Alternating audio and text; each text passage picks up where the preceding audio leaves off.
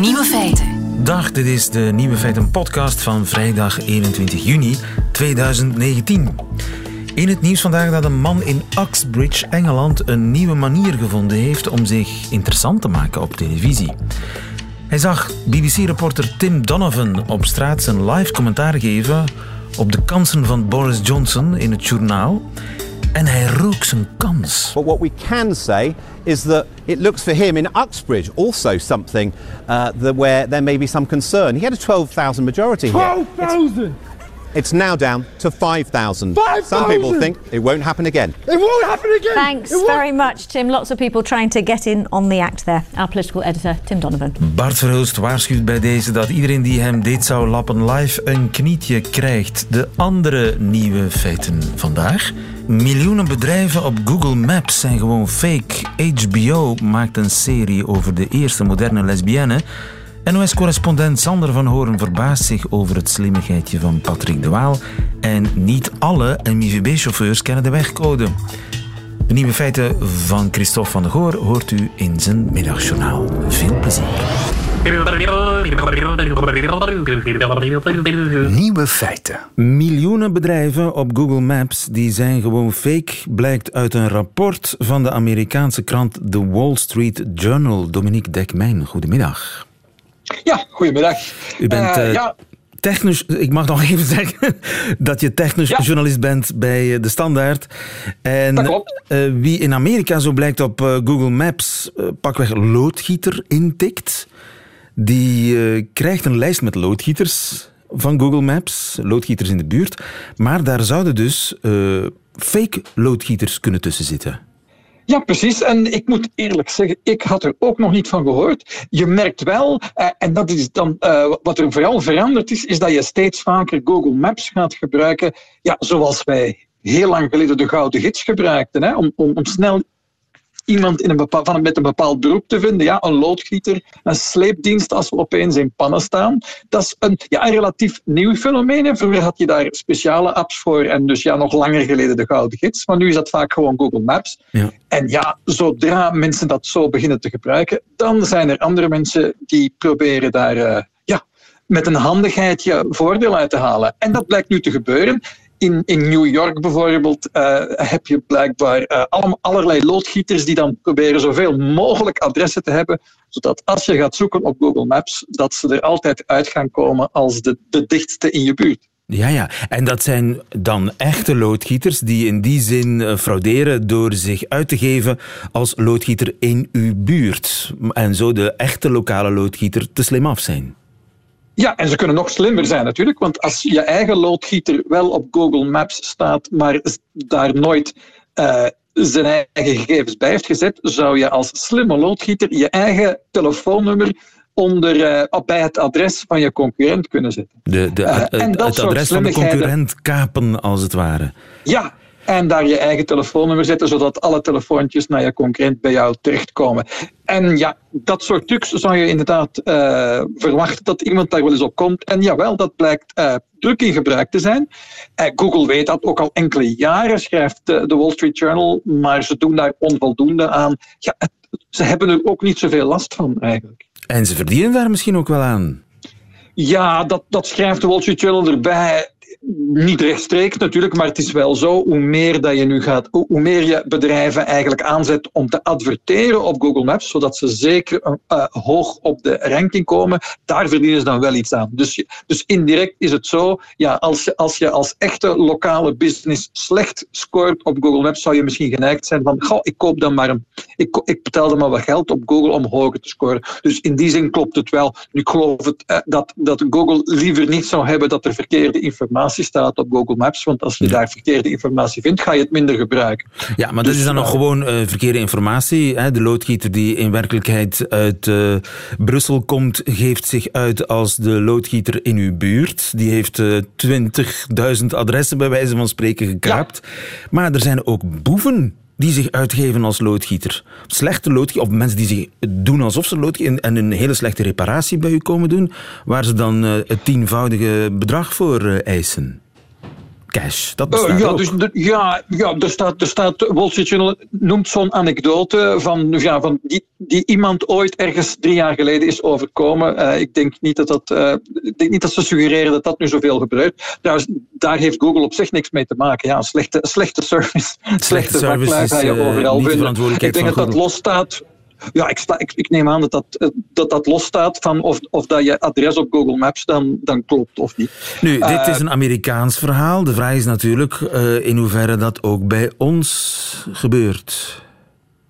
Wel ja, je kunt je je kunt, natuurlijk zijn wij maar een voorschot groot eh, in, in Vlaanderen. Dus uh, zoveel voordeel haal je er niet uit om, om extra fictieve locaties voor je garage of, of loodgieterij erbij te zetten. Maar ik vraag me inderdaad af. Ik denk dat het inderdaad nuttig is voor elke kleine zelfstandige om zijn eigen bedrijfsnaampje eens te, te, uh, te googlen, hè, in Google Maps te tikken en zien of, dat, je dan, of dat er dan geen uh, onbestaande bedrijven opduiken die zogezegd dichterbij zijn. Ja, en als dat het geval is, moet je dan, uh, wat moet je dan doen? Ja, Google heeft de, de, de, laat mogelijkheden genoeg om, om verkeerde gegevens. Als de gegevens werkelijk verkeerd zijn, kun je, kun je ze zeker corrigeren. Nu uh, merkt de Wall Street Journal op dat dat vaak niet snel genoeg gebeurt, dat, dat je vaak niet, niet gemakkelijk iemand aan de lijn krijgt. Um, maar die problemen die ze signaleren, die gaan dan ook over heel specifieke beroepscategorieën. Na sleepdiensten is er een andere die ze noemen. En dan uh, heel specifiek hebben ze dan advocaten die, die, die rechtszaken aanspannen wegens, uh, wegens kwetsuren. Een heel, dus een, een, sowieso al een loesje bedrijfstak. Dus vooral in bedrijfstakken die toch al heel loes zijn, worden dat soort trucken gebruikt. Uh, maar normaal gezien zou je via de, de de, de, de, mogelijkheden binnen Google Maps om, om zo'n fout te melden, zou je dat moet, toch moeten kunnen aanmelden. Miljoenen bedrijven op Google Maps zijn fake, al dus de Wall Street Journal. Dankjewel Dominique Dekmijn van De Standaard. Graag gedaan. Bijzonder goedemiddag nog verder. Nieuwe feiten. De ontdekking van België. De ontdekking van België. Een wonderbaarlijk avontuur van de NOS-correspondent in Brussel, Sander van Horen. En elke vrijdag eh, peilen we naar zijn vorderingen als eh, kandidaat Belgdag. Sander. Goedemiddag. En gisteren heb je de inzwering gezien van onze nieuwe parlementsleden. Ik heb me de hele week al zitten verkneukelen aan Belgische problemen waar dan Belgische oplossingen voor gevonden worden. Aha. Inderdaad, de inzegingen in het uh, federale parlement, maar daarvoor natuurlijk al in het Vlaamse parlement. En in het Europees parlement heb je ook oplossingen voor Belgische problemen. Dus nee, het is, uh, het is fascinerend hoe inderdaad uh, in die parlementen, want daar, daar heb je het natuurlijk over hoe door iets wat er heel chic uitziet. Hè, je laat de senior van een parlement en de junior van een parlement laat je een bepaalde ceremoniële functie vervullen. En dat gaat uh, goed ja, totdat diegenen van een bepaalde partij zijn. En dan gaat het ook meteen fout. En dat was wel fascinerend om te zien, ja. ja Patrick de Waal krijgt uh, applaus op alle banken voor zijn slimmigheid. Je vond u het ook zo'n geniale zet? Nou, ik, in, in die zin, in, in, in, ja, op het eerste gezicht vind ik het een geniale zet. En hij was natuurlijk al eerder gedaan in het Vlaamse parlement... waar voorkomen moest worden dat Philip de Winter daar een rol speelde. Nou, toen is de senior voor hem nog eventjes aangebleven om te voorkomen dat Philip de Winter een officiële rol kreeg. Nou, hartstikke charmant, maar had je dat ook voor bijvoorbeeld de PvdA gedaan? Een partij uit de uiterste linkerkant van het politieke spectrum? Of doe je dat echt alleen bij Vlaams Belang? En datzelfde bekroop me gisteren ook een beetje. Vooral ook omdat de Waal na afloop... Hè, eerst zei hij van dit is de plek die de kiezer mij gegeven heeft. Een zetel in het parlement. Dus ik neem plaats op die zetel en niet op die voorzitterszetel... waar dan twee mensen aan weerszijden zitten. Dat zijn dan de junioren. En één daarvan is, godverhoede, Dries van Langehoven. Dus de Waal die bleef in zijn zetel, zijn normale zetel zitten.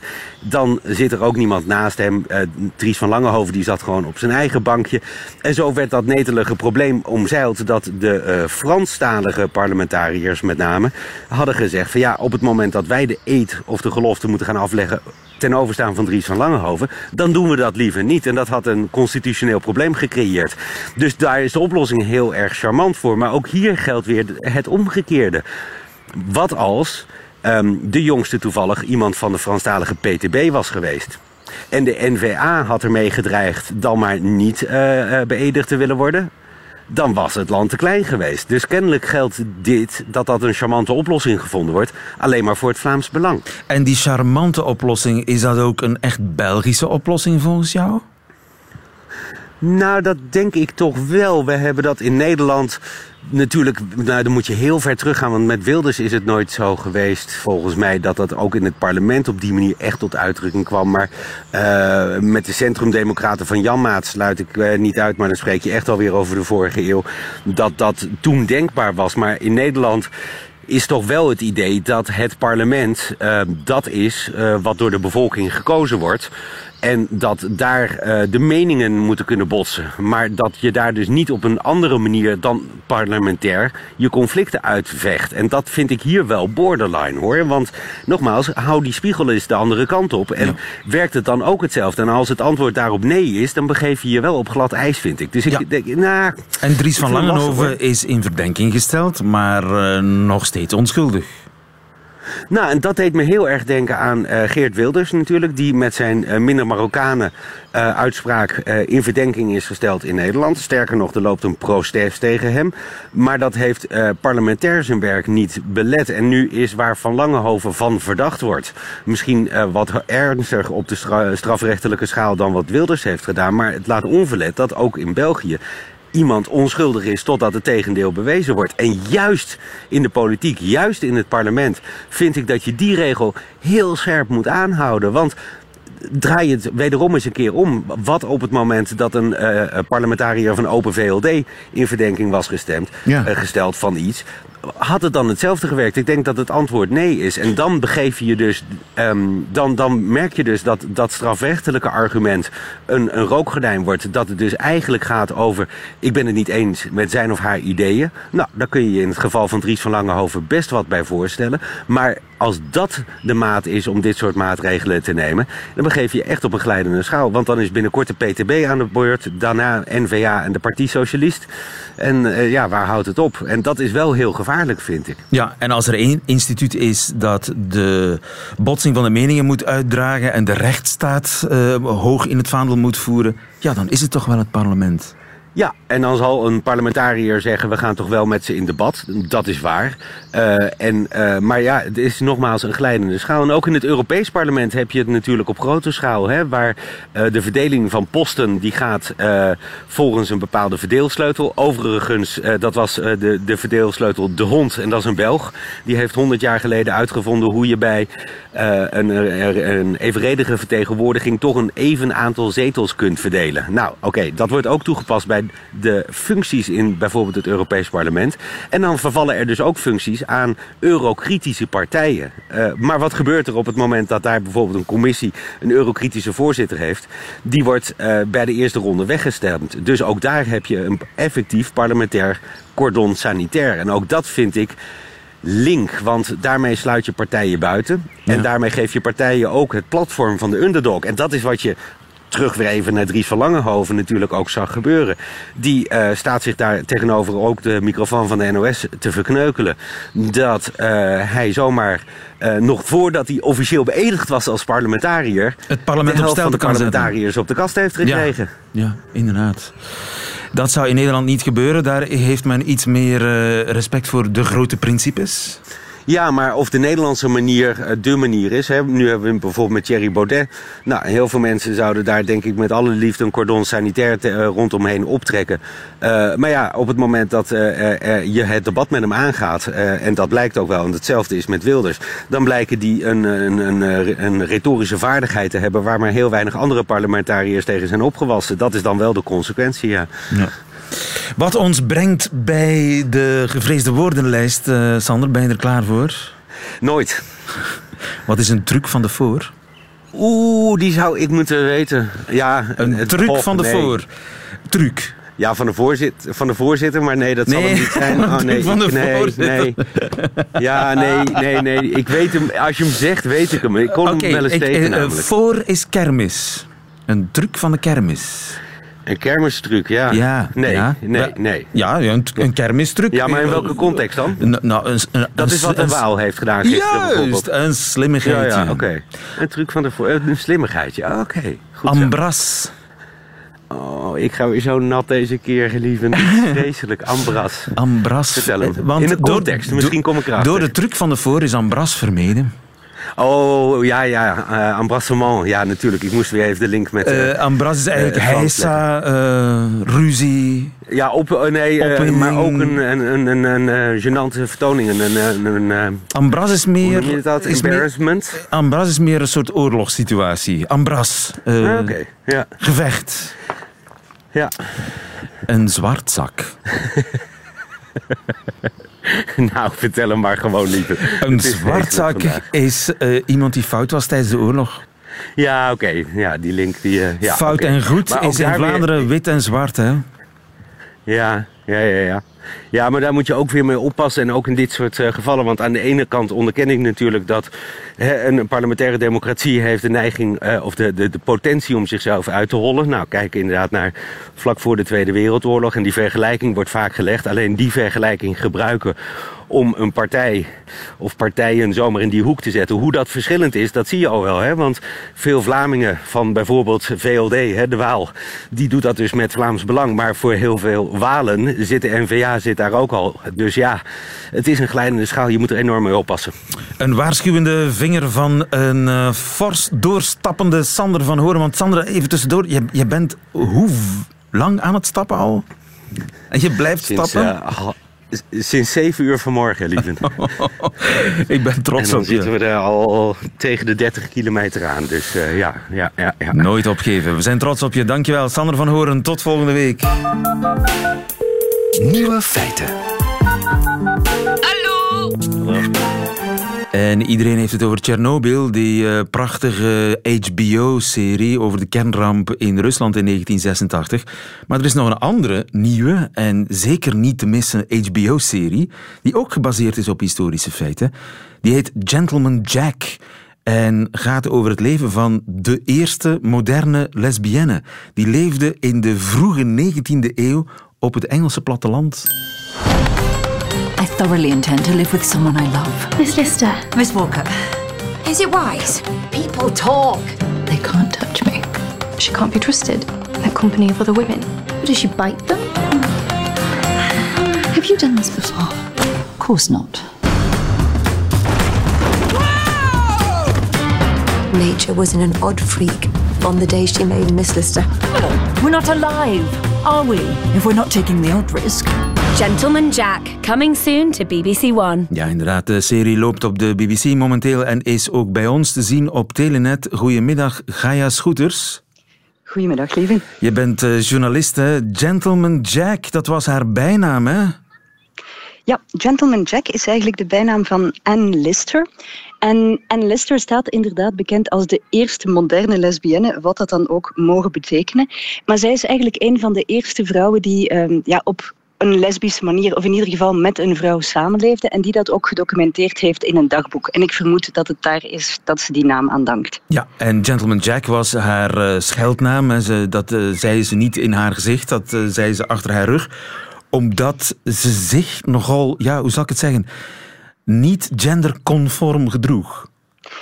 Wel, zoals heel veel ehm, niet-heteroseksuele vrouwen heeft zij inderdaad een leven geleid dat meer ja, een leven was dat volgens de in die periode gangbare mannelijke rolmodellen verliep. Dus ze kleedde zich niet alleen heel vaak mannelijk, ze droeg ook uitsluitend zwarte kledij.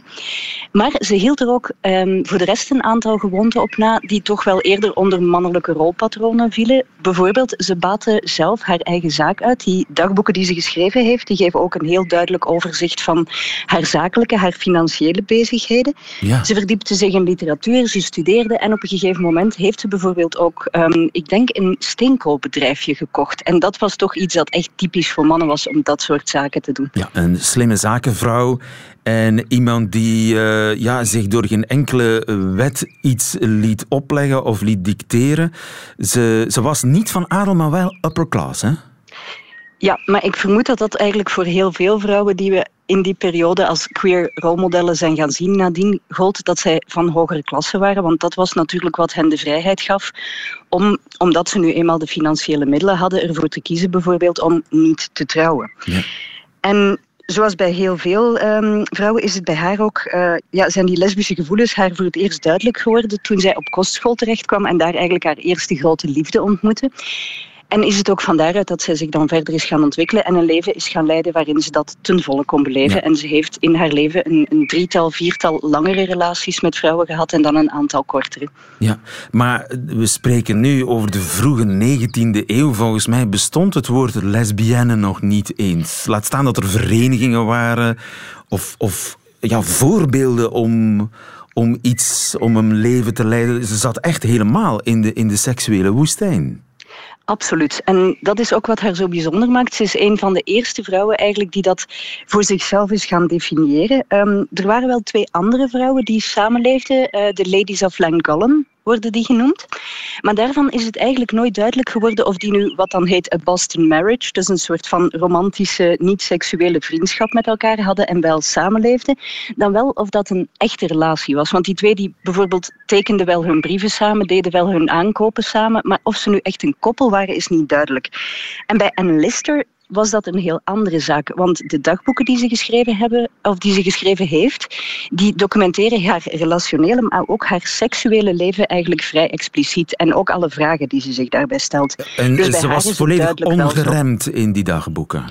Wel, ze was vrij ongeremd in die dagboeken, maar toch ook voorzichtig, want die dagboeken die zijn voor een groot deel in een heel ingewikkelde code geschreven.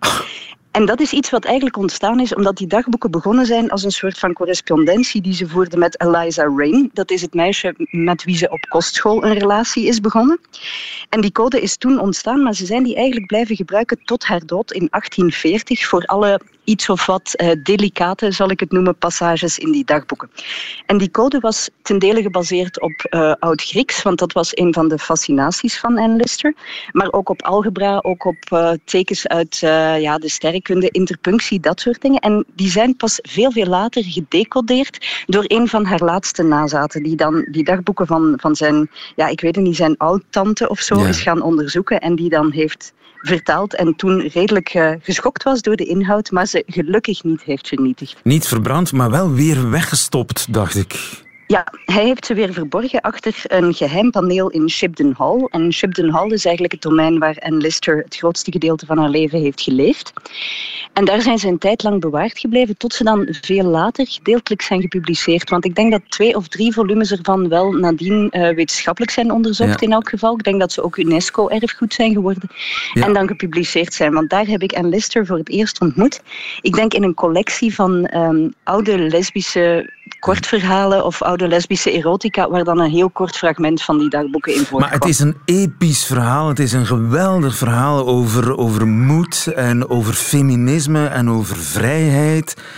Toch raar dat we nog nooit van die vrouw gehoord hadden eerder. Dat is zeker raar, maar dat is vrees ik bij heel veel vrouwen het geval. Er zijn heel veel vrouwen die onconventionele levens hebben geleid. En veel van die verhalen zijn ons eigenlijk nog altijd onbekend. En dat is een van de redenen waarom ik zo heel erg blij ben dat die HBO-serie hier komt. Want het is weer een van die verhalen die wordt opgegraven en waarmee we toch een stuk geschiedenis documenteren dat anders misschien verloren zou gaan. Geweldige serie, ook uh, heel erg feel good, mooi gemaakt, goed geacteerd. Helemaal HBO, je kan ze zien uh, op Telenet Play denk ik. En ook op de BBC. Dankjewel, Gaia Scooters. Goedemiddag. Graag gedaan. Goedemiddag. Altijd benieuwd. Nieuwe feiten. Ik moet iets bekennen.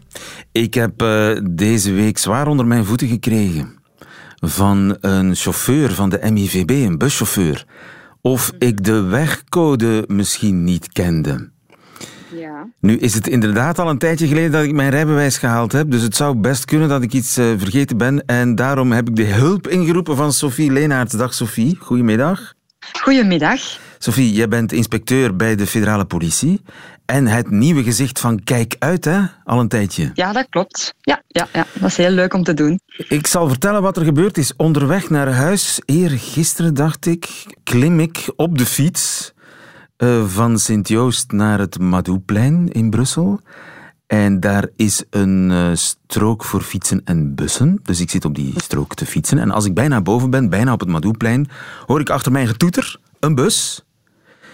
eh, ik begrijp niet zo goed wat die bus wil, maar ik fiets gewoon door. Die bus haalt mij in en gaat tegelijk naar rechts, want die moet afbuigen om bij zijn halte te kunnen stoppen. Waardoor hij mij eigenlijk klem rijdt. Ik moet van die fiets springen op het uh, voetpad, want anders was ik mijn benen kwijt. Nu, dat is niet goed. Nee, hè? En die buschauffeur was kennelijk ook heel boos op mij, want door zijn open raampje roept hij mij toe. Ik heb toch getoeterd en ken je de wegcode niet dan? Dus ik was eigenlijk tegelijkertijd een beetje boos en verbaasd, omdat ik dacht van, wat heb ik in godsnaam misdaan of wat heb ik gemist? Staat er iets in de wegcode dat ik als fietser op zo'n bus slash fietsstrook een, een bus die naar zijn halte moet, moet laten voorgaan? Nee, dus het is inderdaad zo, het is wel goed dat je het zegt. Dus een busstrook die mag je als fietser alleen maar gebruiken uh, als er een onderbord voorzien is. Hè, dus dat je mag rijden als fietser. En dan uh, is het zo dat uh, de bus voorrang heeft als hij de halte gaat verlaten binnen de bebouwde kom. Ja. Dus dan heeft, dan heeft de bus uh, voorrang. Dus hij heeft geen voorrang als hij de bushalte uh, wilt oprijden. Nu is het wel zo, als je als fiets komt aangefietst en hij staat al aan die halte en hij laat zijn passagiers uit, dan moet je als fietser wel stoppen om de voetgangers uh, te laten uitstappen. Aha, dus als die bus gestopt is, mag ik hem eigenlijk niet inhalen? Um, inhalen, jawel, je mag hem wel Ah, inhalen, mag hem maar je mag niet, je mag niet tussen de, de bus Juist, en ja. dan het voetpad gaan rijden, waardoor dat er, ja, je op de, de voetgangers zou botsen.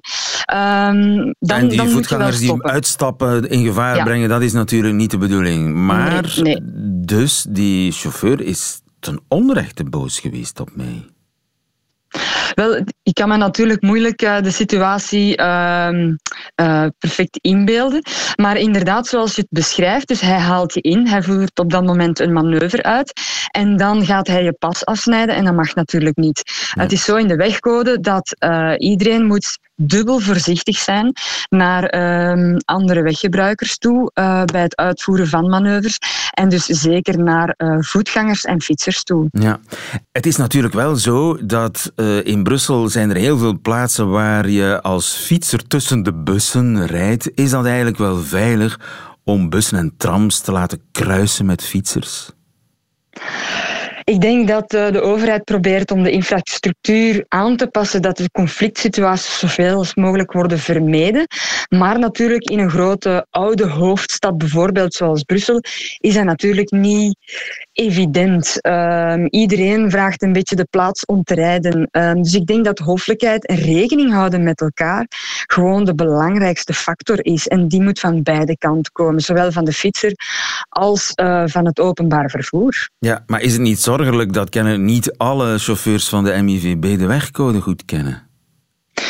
Wel, zij krijgen normaal gezien opleiding hè, van de lijn en de MIVB om defensief en hoofdelijk te rijden. Dus ze krijgen wel degelijk die opleidingen.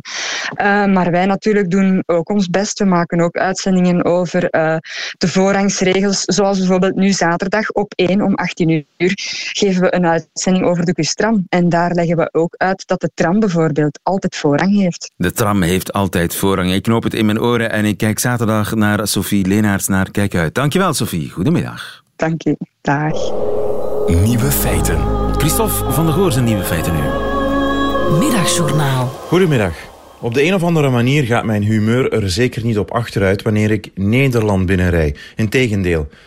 Gisteren moest ik voor een interview naar Eindhoven en bij de grensovergang tussen Lommel en Valkenswaard viel het me weer op.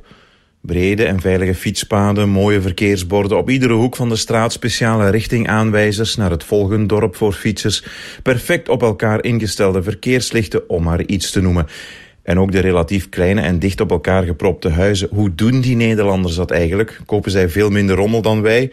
Hebben zij geheime kelders om alles in op te bergen? Swat. Op de terugweg moest ik in Valkenswaard stoppen voor een verkeerslicht in het centrum van de stad. Het was smart en de terrassen zaten vol. En ja hoor, ze viel me meteen op aan de rechterkant. Hoe kon het toch anders? We waren in Holland. Rachel. Zo'n luid pratende dame met een voor de tijd van het jaar veel te bruine en iets wat glimmende huid, met geblondeerde en opgestoken haren waarvan de uitgroei al een beetje te zien was, met Franse manicure en lange sigaret tussen de vingers. Een type zoals Rachel Hazes ook al had hij bruine haren. Ze gelooft in mij. Wat een prachtige documentaire achter de schermen van Hazes. Straks in september is André verdorie al 15 jaar overleden, maar o zo levend bleek vorige week nog eens in de Johan Cruijff Arena, toen een vol stadion een van zijn hits, Bloed, Zweet en Tranen, meebrulde. Ik beloof het u, dit is echt de laatste keer dat ik het volgende woord van die band deze week zal uitspreken, maar Metallica coverde dat nummer tijdens hun concert in Amsterdam. Straks komt de Tour er weer aan, dit jaar zonder de Hollandse berg Alp d'Huez. Maar telkens wanneer die Alp wel in het parcours zit, gaat mijn raampje... Ik zit aan de rechterkant van de auto bij het naderen van bocht 7, de Nederlandse bocht, naar beneden. En roep ik, heb er iemand een uh? En dan zie ik die jonge lui, stom verbaasd en soms half dronken kijken. Wat roept die domme Belg nou? Een wat? Een BVO'tje, jongens. Een biertje voor onderweg. Want zo noemde André Hazes zijn peeltjes van brouwer Freddy. Ach, op het werk noemen ze me soms de Hollander. Onlangs nog vond een van mijn bazen dat ik te veel de uitdrukking kat in bakkie had gebruikt tijdens een commentaaropdracht. Hup, Holland, hup. Tja, van waar die affiniteit? Vraagteken. Van alles een beetje zeker. Een eindejaarsconferentie waarmee we opgroeiden. Studio Sport, de directe en vlotte manier van spreken. Mijn jeugdhelden, Johan Cruijff en, en Gerry Kneteman. Mart Smeets ook een beetje. Siske de Rad, Theo en Thea. Maastricht, de uitstraling van Maxima. Of telt die niet mee? Ach wat, met haar zou ik wel een BVO'tje willen drinken. En dan denken, kat in bakkie.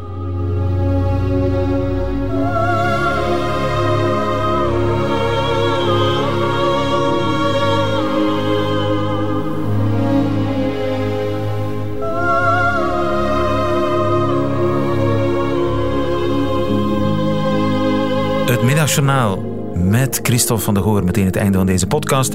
Maar u vindt er nog veel meer op radio1.be en op de podcastkanalen. En wilt u de volledige uitzending van Nieuwe Feiten nog eens beluisteren met muziek erbij? Dan kunt u terecht op de app van Radio 1. Tot een volgende keer.